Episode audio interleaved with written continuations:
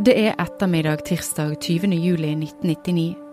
En mann går opp trappene til tredje etasje i en bygård på Sandaker i Oslo. Han har et ærend. Han tror nemlig at kameraten hans er på hytten, og har derfor tenkt å vanne plantene hans. Men når han åpner døren og går inn i leiligheten, så finner han kameraten sin død. Drept med massiv stump vold. Til vanlig så er det programleder Tor Erling Tømterud du pleier å høre her i Krimpodden. Men i dag er det jeg, produsent Vilde Worren, som forteller. Dette er en ekstraepisode om drapet på Knut Kristiansen.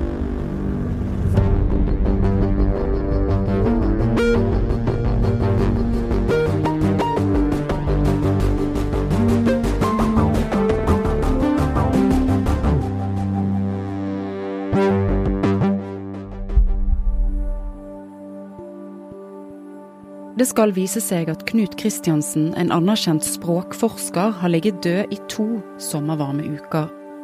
Det gir ikke noe godt utgangspunkt for en drapsetterforskning, og gjerningsmannen har et langt forsprang. Kristiansen hadde ikke ektefelle eller barn, og det var midt i ferien, så det var ingen familie som hadde meldt han savnet. Det var flere ting som gjorde at saken ikke ble oppklart den gang. Naboer som kanskje kunne ha sett noe, var bortreist fordi det var midt på sommeren, og man hadde få opplysninger om hvem som kunne ha vært hjemme hos han. Det var heller ikke noe tegn til innbrudd. Men politiet hadde klart å sikre seg både spor og DNA fra det de var ganske sikre på var en gjerningsperson. Og i dag innkalte plutselig Oslo-politiet til en pressekonferanse. De hadde nytt å fortelle. Politiinspektør Grete Lien Metli begynte de som husker saken, vet at politiet fikk et vanskelig utgangspunkt. Fordi Knut først ble funnet om lag to uker etter den dagen da vi antok at drapet skjedde, den 4. juli 1999. Så syns jeg det er viktig å si at for politiet er alle drapssaker viktige å løse. Og saken ble derfor heller aldri lagt bort.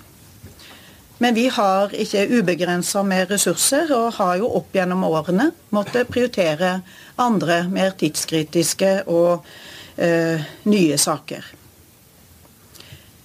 Men i lange perioder gjennom årene har vi også jobbet med denne saken for å prøve å finne nye svar. Og dette har vært et av de få uoppklarte sakene her i Oslo og nettopp derfor har det også vært viktig for oss å løse denne saken. Men mest av alt for å kunne gi familien til Knut flere svar. Nå har etterforskningsgruppen eh, som jobber med uløste saker her i Oslo politidistrikt, jobbet med denne saken aktivt nå de to siste årene. Og de har gått grundig gjennom alt materialet på nytt for å se, også med nye øyne, nok en gang om det fantes potensial eh, for ytterligere etterforskning. Eller metoder, og da spesielt med hensyn til dagens eh, DNA-teknologi.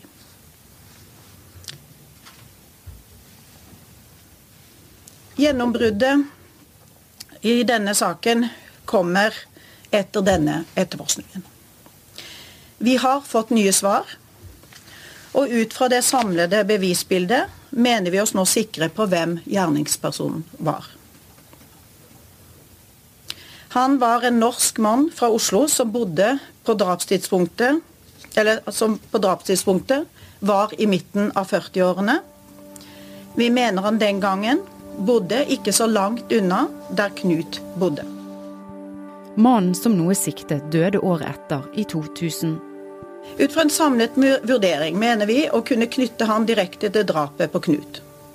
Men i denne saken vil vi ikke få alles svar på alle spørsmål. Det er derfor viktig å si at dette ikke er en konstatering av skyld i juridisk forstand. Og da av den grunn så kommer vi heller ikke til å gå ut med hans navn her i dag. Han døde for mange år siden, og han kommer ikke til å ha mulighet til å gi en forklaring eller få prøvd skyldspørsmålet i en domstol. Men det er også av hensyn til hans etterlatte.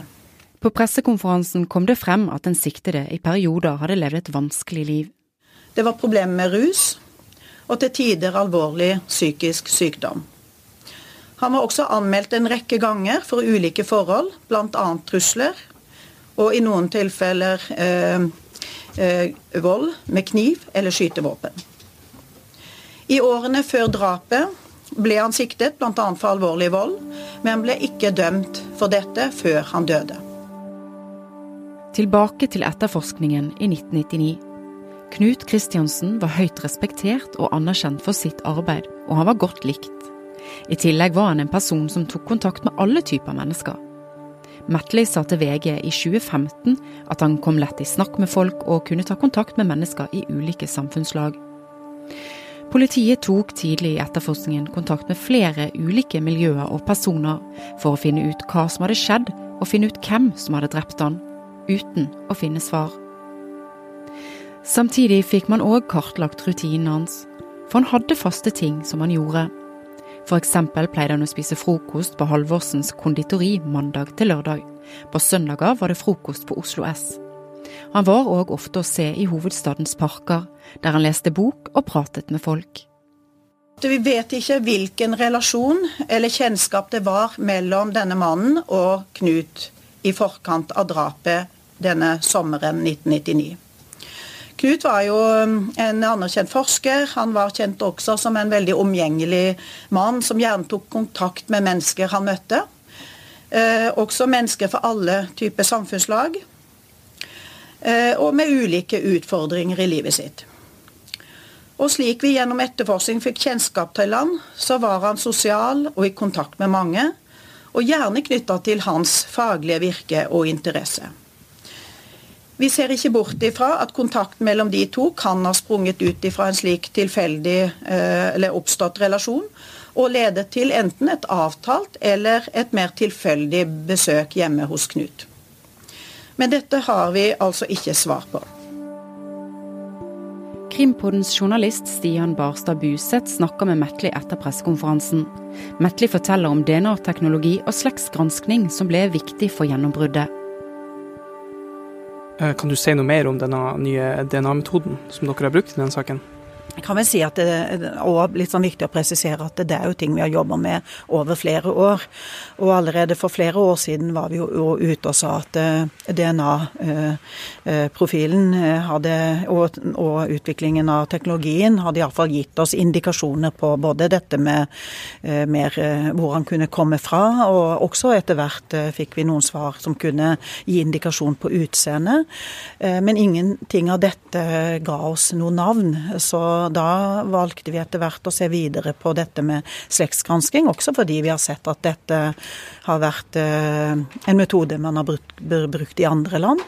Og eh, ja, vi var egentlig godt i gang med det, og så ble det jo også oppretta en eh, pilot, et eh, prosjekt på dette, på oppdrag fra Riksadvokaten, som da ble koordinert ved, ved, ved, ved Kripos, og med samarbeid av både Arkivverket og Universitetssykehuset her i Oslo. Og gjennom dette samarbeidet så har man jo da tatt i bruk dette med slektsgransking, da. Og da er det jo mer som et verk verktøy for å kunne gi enda flere indikasjoner, sånn at man kan forsøke å komme nærmere da, gjennom, eh, gjennom slektsgransking. Og, og, det gjorde vi jo etter hvert. Eh, etter eh, flere måneder med arbeid rundt dette, så, så fikk vi et navn. Og det var jo da, når vi da så et navn som vi da valgte å gå videre og gjøre undersøkelser på, at vi da var så heldige at vi fant en gammel DNA-profil som var knytta til et spor i en, i en sak eh, som lå henlagt i et annet politidistrikt. Og når vi da kunne sammenligne denne profilen med dette, dette åstedssporet i drapssaken. Og da fikk vi altså en, et, en kobling mellom disse, disse, to profilene, og vi så at vi kunne knytte denne mannen til denne drapssaken. Eh, kan du fortelle litt mer om eh, omstendighetene rundt akkurat dette drapet? Altså, Dette er jo veldig mange år siden, og han Knut Kristiansen ble jo funnet av en eh, ja, litt sånn tilfeldig da en ettermiddag, eh, død og drept i sin leilighet. Det er midt på sommeren. Eh, og gjennom etterforskningen så kartlegger vi jo bevegelsene til Knut Kristiansen. Og vi mener jo da at han, ha, at han da trolig har lagt død i, i, nærmere to uker, eller opp mot to uker. Og at, at det selvfølgelig ga oss et vanskelig utgangspunkt den gangen. Ehm, det er klart eh, vi eh, så heller ingen tegn til innbrudd, eller at det var noen som hadde forsøkt å ja, trenge seg inn i leiligheten eller noe sånt. Og, og eh, falt jo da ned på at det mest sannsynlig var at Knut hadde sluppet gjerningspersonen inn. Og når vi da ikke kunne finne noe kobling med, til personer vi knytta til Knut, så ble jo dette etter hvert en veldig vanskelig sak. Og eh, selv om vi eh, har tatt denne opp eh, flere ganger og jobbet også med ulike tips og opplysninger som har kommet inn, så har det aldri gitt oppklaring av denne saken. Og, men vi har heller aldri lagt den bort.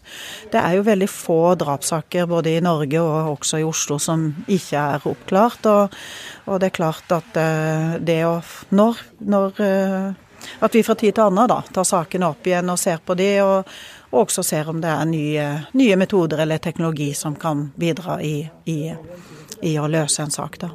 Hvis du forteller litt mer om hvordan dere kan være så sikre på at dette er, er gjerningspersonen? Altså Det er jo en samla vurdering av den etterforskningen som er foretatt nå.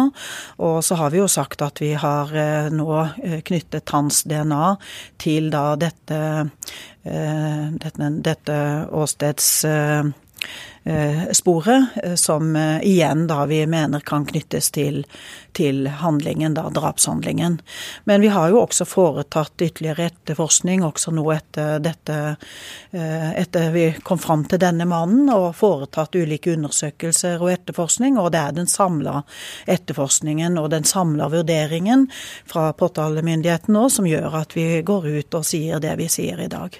Men som sagt, eh, igjen, eh, det er viktig å si at eh, vi vil ikke kunne få en konstatering av skyld som vi gjør ved en Hvis det hadde nå blitt en behandling i, i, en, en, i en, domstol. Og, og det er òg flere svar vi ikke får, eller for, kan, kan, gi svar på da, i denne, i denne saken.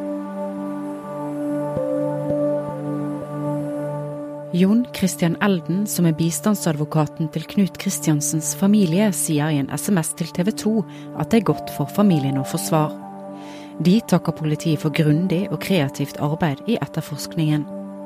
De sier òg at dette har vært en verkebyll for familien i 24 år, og at det nå er mulig å få fred. Saken skal nå oversendes til statsadvokaten med anmodning om henleggelse Journalist Jostein Matre, Simen Barstad Buseth, Line Fausko, Siri Eggen og Erik Kjærstad Solheim har bidratt til journalistikken i denne episoden. Mitt navn er Vilde Worren, og jeg er produsent for Krimpodden.